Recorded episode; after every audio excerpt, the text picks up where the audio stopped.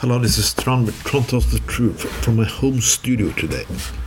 Let's talk about woke again, because the word woke means nothing. I talked about this before, but I think woke, using the word woke, is part of a strategy to cancel culture.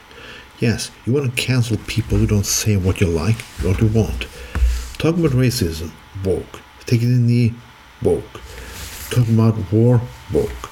Talk about gender, transgender rights, woke. Talk about gay rights, woke. Woke, woke, woke, woke. There have been problems in the past with some universities and so on. People who are so fragile that they can't listen to a harder joke or, they cannot accept humorists going too far. But the way the, the right are using it now is just to silence people because what, that's what they love to do. They love to silence people. When people try to ask them critical questions, they're whining about being silenced. You see the fucking irony here? Yes, today's use of the word woke is cancel culture. We're going into a time more and more conflict, but we cannot discuss the real things because what we're going to discuss is only weapons, patriotism, abortion, and how horrible everyone else is.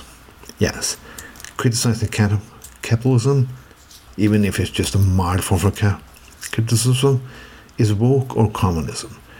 The right is the far worst alternative when it comes to cancel people. There are people on the left too, but they're not the majority. The people on the right have never, never suffered to being cancelled, really. They have their own TV network, they have the channels, they have all the fucking money and the wealth in the world. So what they talk about when they come to council is only that they're being asked questions. If a news channel take up something they don't like, they don't try to debate it. They just scream at somebody trying to cancel them. It's mainstream media or it's communism. While Fox News are presenting shit 24/7, and if you talk against that, yes, then you also people try to cancel things. Conservatism is today the new fucking fascism. And it's been growing and growing and growing. Since Newt Gingrich's new contract for America in the early 90s, conservatism has been from we have control with the lunatics to just open the fucking asylum. Because today's conservatism is just fucking ignorance and hate and fucking fascism. You see more and more troublemakers over the world climbing to the conservative ideology, screaming about historical bullshit. Uh, the so-called pacifist there, raging rage against immigrants, talking about Christianity like they fucking know anything about the Bible whatsoever. But if you take them on that, yeah, just, that is blasphemy.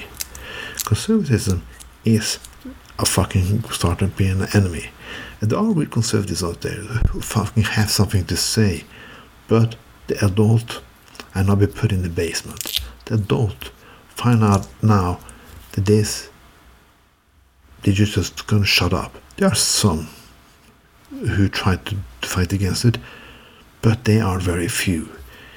The moderate conservatives wanted to win, so they opened the fucking asylum. So here is fucking where we are. This is the new fucking normal, and we have to fucking live with it. This is 19 like the years between 1918 and 1940, all fucking over again. Einstein said he felt World War III was going to be fought by sticks.